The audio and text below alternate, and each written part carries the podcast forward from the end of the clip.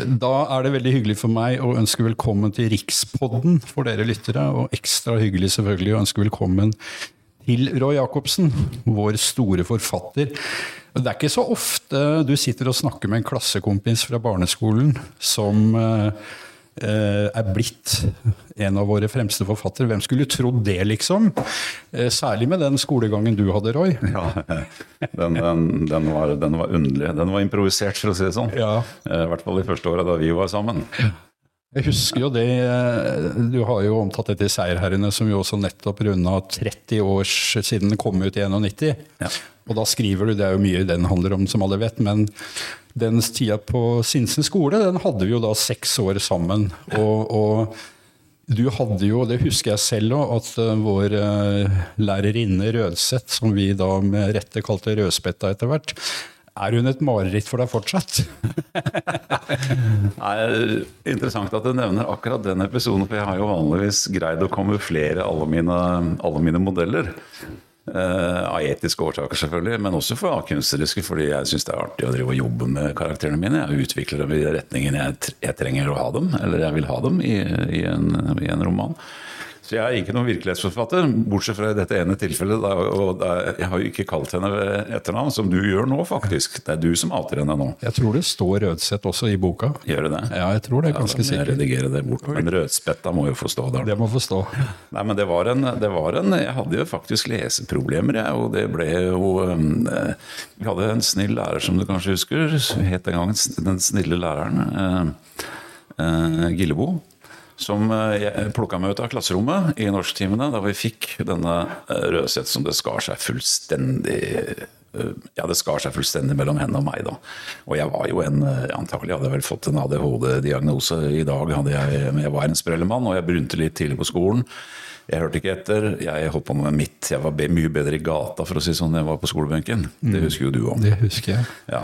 Og, eh, så, men det var jo, det var jo uh, fantastisk uh, sånn prestasjonstap å ikke greie å lære å lese, ikke sant. Og skrive i takt med dere andre. Men, har du men, så, men Gillebo redda meg, da. Han tok meg ned ut, og det skulle ikke så, så mange timene hos han nede i kjelleren hans før, greide, før, jeg greide å knekke koden. Og, uh, men uh, du spurte om det var om jeg hadde traumer ennå. Det har jeg ikke. Nei. det får være måte på. men jeg, jeg, jeg merka det. jeg satt og skrev disse her linjene i, i seierherrene, da var jeg 35-36 år, at jeg ble rød på øra ennå. Uh, så jeg fyrte løs. Og så tenkte jeg ja, nå må jeg bare gi jernet her. Nå er jeg på hevneren, ikke sant. Barnslig voksen mann på 36 år. Men sånn, den satt i meg lenge, altså. Ja. Men det er rart med det at du som da og dette har du vært helt åpen om i alle sammenhenger, at du da holdt på å falle ut av skolen på et vis. Ja. Eh, ved at ikke du ble fanget opp av denne læreren og, og for så vidt andre. og Det het vel hjelpeklassen til og med den gangen. Ja. Eh, det slapp jeg. Hvordan, det slapp du, men hvordan, hvordan, utviklet du denne interessen for språk og litteratur? For det, det henger liksom ikke sånn automatisk sammen med en som liker gata bedre enn skolebenken? Si ikke det. Eh, eh, språk er mye mer enn, mye mer enn, det, du, enn det verktøyet du lærer å håndtere på, på, en skolebenk. Og språk i gata var veldig viktig. Altså et, instru, et, instrument for makt og innflytelse. Altså det å kunne sette ord på det vi opplevde i øyeblikket. Det å overdrive på den rette måten, det å fortelle de dårlige eller de gode vitsene på den rette måten osv. Det å forsvare seg, erte, småmobbe Eh, der var jeg ganske god. Jeg, eller, altså, jeg, man, den gang ble, ble vel kalt stor i kjeften, vil jeg anta. Eh, og så hadde jeg en far som var eh, god til å fortelle. Som satt hjemme og, i stua, og han kjørte drosje i helgene. Jeg våkna hver søndag morgen, husker jeg. og at søstera mi og mora mi satt på kjøkkenet og lo. Og da sto jeg brått opp og gikk ut, for da hadde fatter'n en eller annen vanvittig beretning fra nattens begivenheter som drosjesjåfør i Oslo by. Ja. Så jeg vokste opp med med, eh, med, språk som et, jeg si noe, som et sånt eksistensielt medium for å greie å, å overleve i den relativt ville barndommen jeg hadde. Og også mm, Faren min leste en del. altså. Han var gravemaskinkjører, men han, vi hadde bøker i hylla hjemme. Ikke mange, men, eh, men, noen. Og han brukte biblioteket på Årvoll. Så eh, helt A-litterært har ikke min bakgrunn vært heller. Så ble det vel litt Morgan Kane på deg også? Det ble Morgan Kane. altså Det var jo selvfølgelig da tegneserier, Morgan Kane og Men jeg, jeg gikk av en eller annen merkelig grunn gikk jeg fort over til um, Vesaas og Dost... Altså Fønhus, Jack London uh, Vesaas uh, På gymnaset leste jeg Dostojevskij sånn av egen fri vilje. Det var jo kult å lese Dostojevskij òg, selvfølgelig. da. Men vil du si at den interessen for litteratur eh, hva er viktigst? Er det interessen for menneskeskildringen og menneskeskjebnen, om du vil? Eller er det selve det språklige, måten man bygger opp setninger, hvordan man konstruerer eh, de fortellingene og de historiene man kommer med? Er det, er det interessen for menneskesinnet, for å si det sånn? Ja, det, det, er, det, er, i grunnen alt. Altså er, jeg bruker litteraturen til å orientere meg i verden og prøve å skape litt orden i rotet. Uh, tror jeg nok. Og, og det håndverksmessige siden av det er, blitt, er, ekstremt viktig for meg. Det må, må, må, må funke. Uh, men gr, grunnen Jeg har alltid, uh, jeg har alltid likt fortellinger. Jeg har alltid likt å lese. og jeg fikk en absurd idé allerede da jeg var ganske ung. Så måtte jeg ville bli forfatter, jeg også. Og jeg var 11-12 år gammel. Og jeg prøvde meg jo seinere på 20-tallet. Eller, eller, da jeg var, da jeg var i 20-årene. Og da var jeg fast bestemt på at dette skulle, jeg, dette skulle jeg drive med. Men da må du først finne ut om du er forfatter eller ikke er forfatter. Og det er en lengre, lengre lerret å bleke. altså. Men, men, men, jeg pleier å si at den som har noe på hjertet, når hjertene. Du må ha noe å fortelle, ellers, så får du ikke, ellers er du ikke relevant. Nei. Hva har Roy Jacobsen egentlig på hjertet? Går det an å si? Jeg skjønner at det er ikke noe du svarer på i en setning, men Ja, men Det er ikke entydig, i hvert fall. Nei. Jeg har, jeg har mye på hjertet, holdt jeg på å si. Jeg har jo skrevet snart 30 bøker. Så jeg er vel talatrengt, da. Nei, Det jeg har på hjertet, det jeg bruker veldig mye, store deler av litteraturen min til, er jo dette gamle slagordet fra opplysningstiden om å prøve å forstå de andre på, som jeg lever sammen med på denne jorda. Mm. De som levde før, de som er eldre enn meg, yngre enn meg. Eh, eh, Jevnaldrende, for den saks skyld, de som lever et annet sted. Hvordan har dere det her? Og prøve, prøve å med et sånt emosjonelt uh, emosjonsapparat prøve å sette meg inn i andre menneskers livssituasjon og betingelser. Det har alltid vært ekstremt uh, essensielt for meg. Og så er det estetiske sider ved dette her som jeg også har, en, uh, har stor glede av. Det skal, være, det skal, være, fint. Jeg vil lage noe fint. Uh, det, jeg, vil, jeg, vil, grave meg ned i temaer. Jeg vil undersøke ting. Jeg begynner jo ikke en bok på side syv, som regel er det da en bok og vet hvor jeg skal hen. Det er en prosess, et laboratorium som da åpner seg, og så undersøker jeg og graver meg fram til jeg kommer til en slags konklusjon. Og jeg vet som regel ikke før på side ja, mellom 40 og 70 om det blir en roman eller ikke. Og jeg har noen halve romaner hjemme, altså. Som, så du, du, jobber ikke med det ferdige plottet? Du har liksom ikke hele nei, fortellingen nei, nei. klar før du begynner å skrive? Nei, overhodet ikke. Har du opplevd noen ganger at uh, ordene kommer til deg? Ja.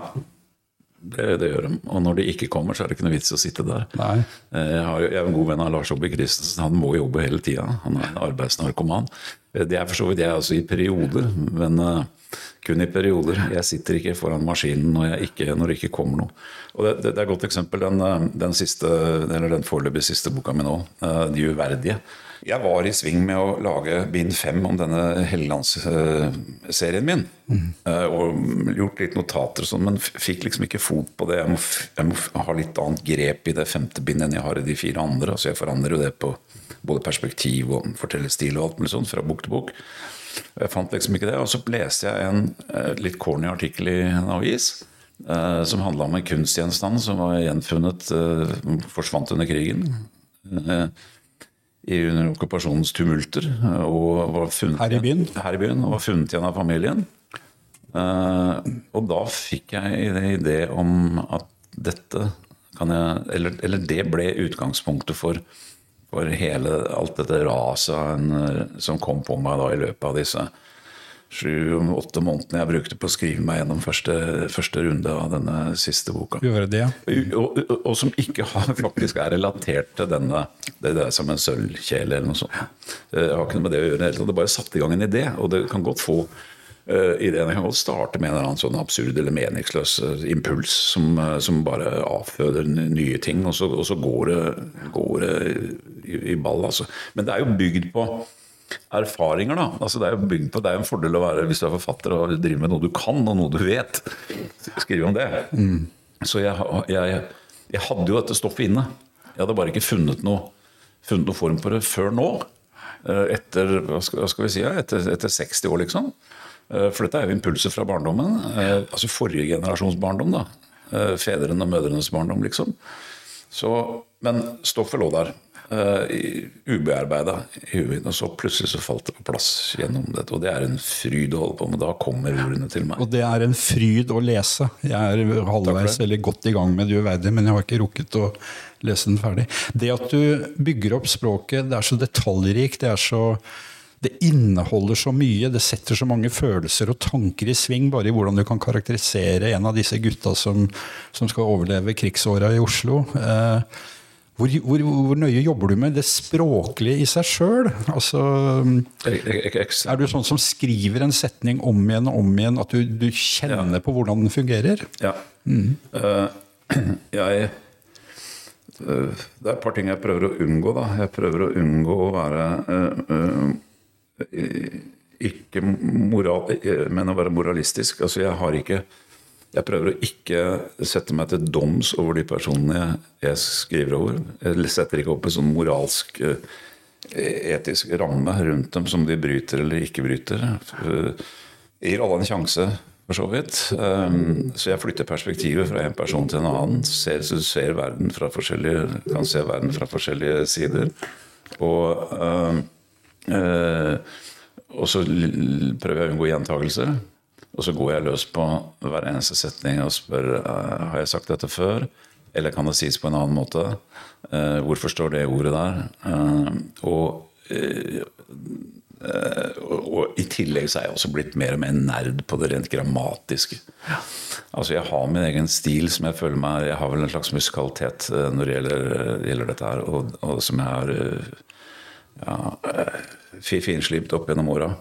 Men også det, også det, rent grammatiske er nødt til å være på plass. Jeg er, jeg er veldig utålmodig med å lese folk som slurver. Å lese aviser i dag er jo et mareritt for, for, en sånn som meg. da. Jeg får jo gåsehud av å lese ja, Hvor dårlig språk det er, ja. ja, ja det er jo helt vilt. Og så mye feil som og, gjøres òg. Ja, og, og, det skal gå så fort. og det, Særlig særlig nettet. da, så er, det, så er det slitsomt. Så, men jeg, jeg, bruker mye tid på dette. Det, det, skal være Og jeg gir meg ikke før jeg er um, før jeg ikke For jeg vet at jeg ikke For jeg er så dritlei hele greia at jeg ikke veit at nå kommer jeg ikke lenger. Nei, nettopp. Uh, det har jeg klart uh, å gjøre, i hvert fall med, det, med brorparten av bøkene mine. Ikke gi dem ut for tidlig, altså. Jeg husker Da seirene kom, så mener jeg det var en anmelder som sammenlignet deg og kalte vår nye Knut Hamsun. Det er kanskje en, en, samling du vil betakke deg for? Jeg har fanget opp et sted at Hamsun er vel ikke din favorittforfatter, egentlig? Eh, på mange måter er han jo det, da. Altså, Vi kommer alle fra Hamsun, eh, mer eller mindre. For han, han, han skapte jo det litterære, den litterære norsken, altså, vil jeg si, egentlig med sin modernisme og sin bruk av tvetydigheter og noe som heter lept red og, og teknikker altså blande, det å blande høyt og lavt, altså sosiolekte dialekter, arkai, arkaiske uh, uttrykk, kansellispråk med moderne, moderne muntlig norsk og sånn. Jeg. Jeg driver jo også med det. Jeg bruker enormt mange stemmer i bøkene mine. Men det er vel helst det at det er vel Hamsun som polemiker jeg, jeg sliter litt med, og det at han uh, etter hvert som man blir mer trent leser, så tror jeg man vil se at, at han gjerne har en to, tre, fire pappfigurer i bøkene sine. Folk som er enten uh, dumme eller, eller, gode, eller skal være i slags idealer eller antiidealer. For at Hamsun eller forfatteren sjøl skal få fram et politisk eller ideologisk budskap. Mm. Mm. Og det syns jeg skjemmer uh, en del av tingene hans. Ja.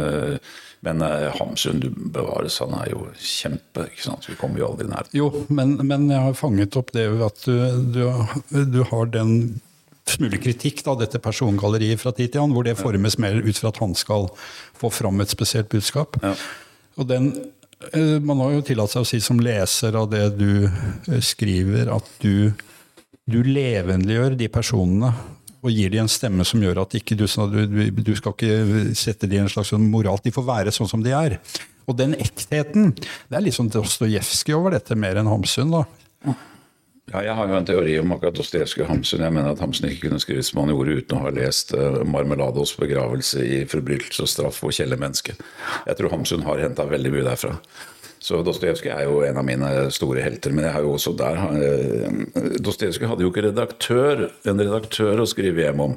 Så her er det mye gjentagelser og mye repetisjoner og mye dveling ved ting som kanskje er uh, Så du trenger også en redaktør? Holder, deg i øra? Det gjør vi alle. altså Den dagen vi tror vi klarer oss uten redaktør, da er vi over. Noe annet jeg har fått med meg, Roy, det er jo at uh, en av de forfatterne du kanskje setter aller høyest, er han, eller ja, han må det vel kanskje ha vært, som skrev Njål Saga. Ja. Den islandske uh, sagaen. Og der er det også slik at du møter personligheten på en sånn veldig rå direkte måte, at samfunnsbeskrivelsen er engasjerende og troverdig. det betyr vel da kanskje at å tegne det ærlige bildet er viktig for deg. altså At ikke du skal legge noe til eller trekke noe fra på mange måter. Bare slå virkeligheten i ansiktet på oss. Ja, det er jo, det er jo realismens uh, uoppnåelige ideal. Uh, vi må bare jobbe med det. Uh, og Når det gjelder sagalitteraturen, så er jo den også antimoralistisk. Den, de bruker jo heller ikke noe særlig mye. Der, forfatterne er jo mer eller mindre usynlige der. de har ikke engang navn, da, men det skyldes jo andre historiske omstendigheter. At vi rett og slett ikke vet hvem de var, og at eiendomsretten til historien ikke lå hos skriveren den gangen. Men jeg har mye jeg er veldig inspirert av den islandske sagaen. Og, og, med språkbruken, den økonomiske språkbruken. Den er verbbasert, den er handlingsdrevet, plottdrevet og karakterdrevet. Som jeg liker, og som jeg har spesielt utvikla i den nye romanen her nå. da de, de uverdige, og uh, hvor stor del, eller nesten hele persongalleriet presenteres med hva de gjør, og, og ikke hva de tenker, hva de gjør og sier. Og ikke hva de tenker og føler, for å, for å si det sånn. Og, du, og det, gir et, det gir et tolkningsrom til, til, til leseren. Du får plass til å dikte med.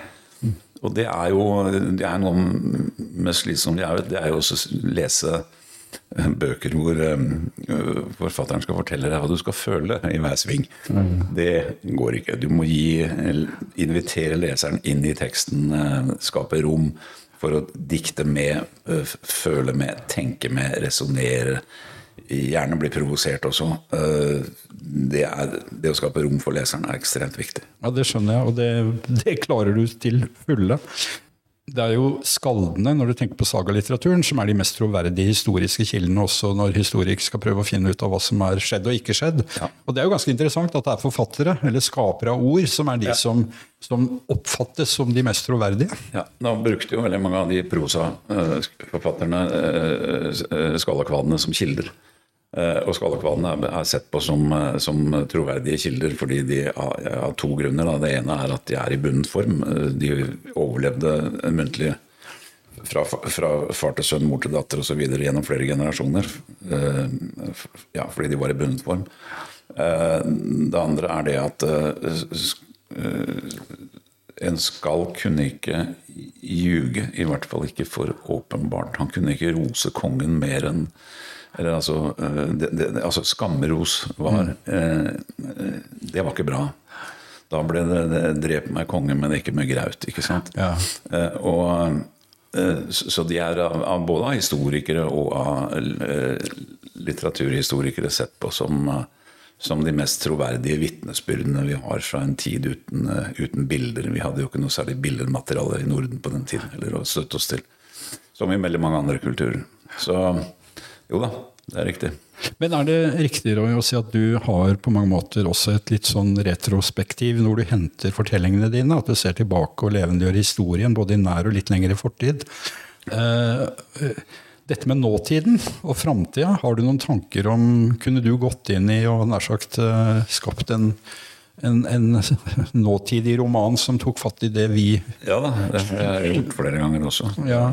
Det er, eh, det er ikke noe Men jeg, jeg, jeg, liker jo linjer, da. Og grunnen til at jeg har havna på det som mange kaller historisk roman med årene, det har jeg ikke noe reflektert noe særlig over. Det har bare skjedd.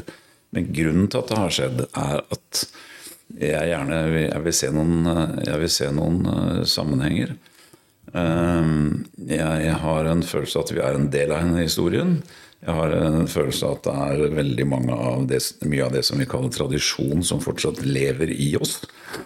Så jeg har jo arbeider jo under det slagordet at en historisk roman er en, er en samtidsroman. Den kan ikke være noe annet. Det er tross alt Jeg skrev jo en, eh, en bok med handling lagt til er lagt i middelalderen, jeg også, som heter Frost. Svær roman. Kom inn i 2003.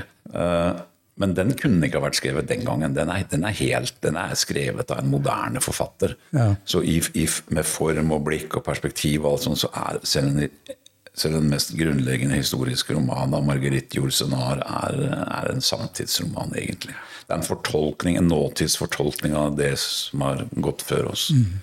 Så um, eh, ja, det er mitt svar på spørsmålet om eh, Jo, men det er jo noe med at vi er jo et resultat av den fortida vi alle har på mange måter. Og det å, å, å tolke det inn i det. Tenker du noen gang at lyt, nei, lytteren, nå skal du høre, eh, se, leseren din skal Uh, Er du bevisst på hva som hun eller han skal sitte igjen med og få å tenke på? Tenker du sånn at uh, opplevelsen av boka skal føre til noe hos den enkelte leser? At man da skal engasjere seg eller justere kanskje sin egen livserfaring? eller prøve, altså, at, du, at det ligger noen sånne elementer fra, fra din side i det? jeg, jeg har i grunnen bare én leser, og det er meg sjøl. men jeg er jo også en del av noe. En del av et samfunn, en tid. Jeg har aldri lagt et element inn i en roman for å tekkes en eller annen tenkt leser. Hvis ikke jeg liker det, så er det ikke der. Hvis ikke jeg liker å lese det. Så du leser er dine egne der. bøker? for å si det Ja, da sånn? blir det, da blir det Ikke når de er, når de er ferdige. Men, eh, men eh, i prosessen så er, så er det jeg og meg og min magefølelse og hjerne som sammen som jobber med og er eh, den lesende instans. Altså. Det må jeg bare, bare innrømme. Noe vi leste da vi gikk tilbake til Sinsen skole på 60-tallet, det var jo salmevers. Ja. Og jeg var, jeg var nok be, jeg var bedre enn deg i salmevers. Men, men denne, denne tradisjonen eh, Du er berører religiøse spørsmål også i bøkene dine, og bl.a. henvisning til en prest og en begravelse. Men, men har du tenkt noen gang på at du skal gå inn i mer sånn det, det som ligger i vår tradisjon, og, og for mange tro, den, den, eh, den religiøse siden av menneskets liv, har du, har du tenkt noen gang på å gå inn i den, den delen av oss? Ja, det, det, altså, eh, det, det finnes ikke én kultur som vi vet om uten religion. Eh, menneskene later seg ha behov for religion. Jeg er ikke noe spesielt religiøs person, men jeg har eh, respekt for dette.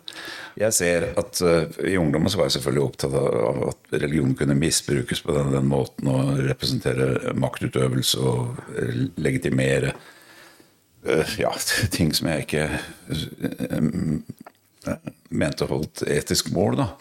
Men etter hvert Jeg har jo, jeg har jo veldig respekt for, eh, for folk med, eh, med en eller annen tro. Og jeg er ikke medlem av Human-Etisk Forbund eller driver med, med en eh, sånn moderne form for ateisme. Det er de folka er i mine øyne akkurat like religiøse som Ja, på sin måte, ja. ja, som har som har, er, opererer med en slags ideologi eller et budskap som vi skal overbevise andre om. Det er i seg sjøl. Det er naturlig, det er, det er, det er menneskelig, men det, det, det, det faller ikke meg eh, naturlig å drive og forkynne. Jeg er ikke noen forkynner, jeg er, ikke noe særlig, jeg er veldig interessert i politikk, men jeg er ikke noen politiker heller. så så eh, Nei, og så er er det, jo det at uh, den viktigste litterære kilden vi har, er Bibelen, ikke sant? Har du lest Bibelen? Ja, yes, selvfølgelig. Ja. Jeg har jo altså, uh, altså Første, første Mosebok er en helt fantastisk historien om Josef og hans brødre, f.eks. Det, er- det, er- det, er få- det, er- få sider ved den menneskelige tilværelsen, den menneskelige eksistens, som ikke er behandla på en eller annen måte I Bibelen? i ja. Bibelen. Ja. Så, um, De kunne skrive den gangen òg. ja, gjett. 70 mann, da. Det er litt av et kollegium som Ja, holder på med dette. det er det. Men, eh, og ganske sikkert menn. Men noe Bibel altså noe ikke, Du har ikke Men, men jeg er jo ekstremt opptatt av, opptatt av, av, av symbolene vi bruker òg. Jeg leste Jung i mange år. altså Arketyper, f.eks. Det er jo Her er det jo altså, kjærlighet, hat, krig, forsoning. eh, bønn om trøst, eh, svik det er, det er jo ingen sider ved den menneskelige tilværelsen som ikke er nedfelt i ord, i, som er mitt medium. Jo I, dette verket. Så det er det mest omfattende skriftet som er produsert. eh, Og det er klart at det, å late som den kilden ikke er der, det ville jo vært dumt av meg. Ja, ja. Nei, har du hørt om eh, Jeg er jo halvstudert teolog jeg, før jeg ble journalist. Jeg hadde en gang på 70-tallet tanker om å bli prest, men det, sånn gikk det ikke. Men har du noen gang hørt om skapelsens teologi? Har du lest noe teologi? Eh, nei. Nei. Jeg, jeg, jeg, er, jeg er vel mest opptatt av den stedfortredende lidelsen, jeg, da. Men hvis jeg sier til deg at skapelsens teologi, det innbefatter at skapelsen er en kontinuerlig prosess som ikke på mange måter er slutt. Og det at en Mozart kan skrive sin musikk, og at en Roy Jacobsen kan oppleve at ordene kommer til deg og skaper fantastisk litteratur. Eh, Hva tenker du hvis jeg sier at det viser, Roy, at du er en del av den guddommelige skaperkraft som ligger i deg? Eh, Da er vel eh, Nå er jeg på, på, på tynn is. Nei, men altså, du, du, du, du lurer meg nå inn i det feltet, eller den overlappen som jeg tror fins mellom kunst og religion. Eh, altså et eller annet eh, udefinerbart, opphøyd, svevende. En blanding av, av eh, nytelse og en erkjennelse som du kanskje ikke kan, uh, kan, kan sette ord på engang. Uh, og det, det, dette er jo felt som kunsten jobber i også. Uh, og, det å se Leif Ove Hansnes se, mener jeg, altså spille eh, Rachmaninovs tredje pianokonsert, f.eks., Kadensaen da. Det er 300 000 anslag, og mannen har ikke noter. Nei. Dette er ikke til å begripe. ikke sant? Nei. Det er akkurat den samme følelsen jeg sitter og ser på Magnus Carlsen som tryller ved sjakkbrettet. Jeg, Det er mirakuløst på et vis, det òg. ja, eller altså det er, det, er så, det er så uforklarlig, altså så mirakuløst, at det er naturlig for hvert fall om ikke for meg, så i hvert fall for veldig mange mennesker, erkjenner jeg, å eh, se Guds signatur i det noen, noen få outliere klarer å få til. få til, ja. ja.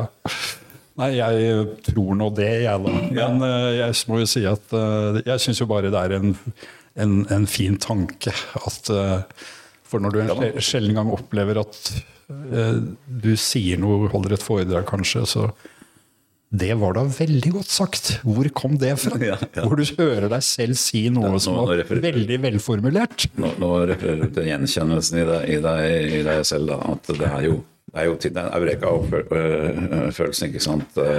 Plutselig så, så ser du noe du ikke har sett før, eller plutselig så får du et, et uttrykk for noe du har hatt i deg som du ikke har formulert før. Og, og, og det er eh, Jeg godt kalle det et religiøst moment, eller en stor kunstopplevelse. Eller, ja. Ja. Du er oversatt til hvor mange er det? 40, over 40 språk. Ja. Når det gjelder språk og oversettelser, slipper du der bare helt taket? For det er jo ikke umulig for deg å, å kjenne, kjenne de, alle de språkene du Nei, jeg, eh, oversettes til. Jeg, jeg kan eh, Vi har snakka tysk hjemme i 45 år, så jeg er veldig god i tysk. Men, og engelsk, selvfølgelig, som er eh, også et arbeidsspråk. Men Og så kan jeg, jeg kan ganske godt fransk også, og islandsk også. Men det betyr ikke at jeg er i stand til å kunne blande meg inn i i, i disse oversettelsene. Og et oversetterarbeid er en, i mitt tilfelle en eh, Det er en gjendiktning. Ja, Det er tillitsbasert. Ja. Du må stole på du kan stole på oversetteren. Men det er jo, det er jo, det er jo et leksikalsk side ved dette. da. F.eks. disse Helgelandsbøkene som rommer så mange arkaiske ord, dialektuttrykk og sosiolekter, som er ubegripelige for folk i Estland eller Kina eller hvor det måtte være. Så jeg har lagd, akkurat til de bøkene har jeg lagd en egen liste med, med ord som jeg oversetter til engelsk eller tysk, eller som jeg i enkelte tilfeller også har tegna, hvis det dreier seg om arbeidsredskaper. og sånn. Oh, ja, som jeg gir til, sender til alle Translatørene, ja. Eh, Og det har vært til stor hjelp. Og den, den lista er oppe i over 500 ord. Så det er eh, Så du, lar ikke bare, du bare lar ikke manus forsvinne, og så håper det er, på det beste? det er jo en kommunikasjon her, og de ber om det. Eller, altså, de, de, dette, dette, dette ordet finner jeg ikke i vårt leksikon, og da, da må jeg prøve å bistå. Eh, og ja. Det går en debatt i våre dager om uh, engelsk ord inn i norsk, altså den koblingen apropos språk. Eh, Og ikke minst når denne sist nå Språkrådet var ute, var vel mot Oslo Science City, som er en sånn sted rundt eh, Marienlyst. Ja, hva tenker du om denne forengelsken av, av, språk, eller av språket vårt? Da? Nei, det, det, det, det triste er at det er Vi er verst stilt. Eh, språksituasjonen i Norge er uavklart. Eh, jeg kan ofte ha eh, en glede av det, det å bruke høyt og lavt og alt mulig sånt i et eller annet litterært verk. Men eh, det at vi ikke normerer skriftspråket på en bedre måte enn det vi gjør, er, er merkverdig. Altså et finsk, islandsk, engelsk, tysk barn uh, sitter ikke ved skolebenken og lurer på hvordan et ord skal, skal staves. Eller altså de, de, de, de, eh, det, er en, det er en lærer som korrigerer det. eh, som normerer. Og, og det, er, det, er en, det er ikke en debatt i avisene om hvorvidt du, et ord skal kunne skrives sånn eller sånn. Det er noe som heter høytysk, det er noe som heter islandsk, det er noe som heter finsk, og det, det er ingen som diskuterer det. Og dette har vi eh, gått glipp av. Mm. Uh, uh, mange årsaker som jeg ikke skal komme, komme inn på nå. Det er faktisk uh, det, det er synd. Det tror jeg ikke er noen fordel på lang sikt. Eh, å høre på disse bloggerne i dag og lese også mye av det som altså det, er, det er jo mest muntlig. Det er to-tre uh, engelske ord inn i hver eneste setning de sier, ikke sant. Og, uh, som ikke bet- ikke, ikke, I mine ører i hvert fall ikke fører til noen form for berikelse. Og så er jo, så er det jo et uttrykk for dårlig selvtillit. ikke sant? Altså, tenk deg Island som har et eget språkråd som oversetter alt. Altså Selv om de er flytende engelsk, ikke sant? de har jo eh, høy standard sko- i skoleverket sitt. Og, eh, men de, eh, de oversetter alle, alle ord. altså te, te, telef, Telefon eh, alle, alle moderne uttrykk. Tølva heter en datamaskin, f.eks. En computer. og alle brukere. Altså, det virker. Det er jo, det er jo, det er jo helt fantastisk. I, i, i Tyskland, som jeg har god, eh, god kontakt med, da, der hadde man for et par år siden en slags eh, ja, Jeg så på muligheten for å lage en språkreform. Da. For det er jo, det er jo Jakob Grimm og altså, altså Luther Goethe og Grimm-brødrene som liksom er, er fedrene. The founding fathers of the of, uh, Der sier jeg engelskjevene, hører du det? Fan, ja. fan, hva heter det? Hva heter det? Pankreatorene. Det er latin. Ikke sant? Morsomt. Men i alle fall, den komiteen endte opp med noen, noen små puslete forslag. De klarte ikke engang å kvitte seg med store bokstaver i, i nomenene sine, eller i substantivene sine. Uh, skriftspråk skal være kons uh, konservativt. Uh, ikke fordi konservatisme i seg sjøl er noe, er noe entydig positivt, men fordi det binder folk sammen. Altså de har, det er, Vi har et fellesskap her. Mm. Det, er, det er noe som får dette altså Tyskland er et veldig dialektrikt land. Språket binder oss sammen. Skriftspråket. Det er en veldig fin tanke. Den er ikke konservativ eller radikal, den er bare rett og slett klok. Så det å få en fornorskningsprosjekt holdt jeg på å si, av vårt eget språk igjen, det kunne vært noe å ta fatt i. Ja, som den yter. Der, ja. Ja. Roy, eh, tida går mot, eh, mot slutten i forhold til hva vi har i denne podkasten. Det har vært veldig hyggelig å ha deg her, og veldig interessant det du har å si. Og nå, hva er det neste prosjektet ditt? Er du allerede i gang? Du vet ikke ennå? Nei, jeg vet ikke. Nå er jeg i den fasen hvor jeg ikke gjør noe. Ja. Eh, eller altså, jeg gjør noe. Jeg, å gi ut en bok er Det er den, eh, den delen av dette prosjektet som jeg i grunnen har minst glede av. Eh, altså, jeg syns det, det er fint å reise rundt og snakke om, om, om, eh, om bøkene mine, men akkurat nå så har jeg ikke noe som det står i veien for heller. Så nå kan jeg godt reise og snakke og, og gjøre tingene jeg skal i forbindelse med formidling og salg av denne, denne boka. Mm. Men eh, eh, av erfaring så tror jeg at det vil komme en ny idé også. Ja, men så bra. Vi gleder oss. Takk for praten, Roy. Legg med deg. Rikspodden kommer på luften med sjenerøs støtte fra Tor. Dahls kulturbibliotek, Bergesen-stiftelsen og Fritt Ord.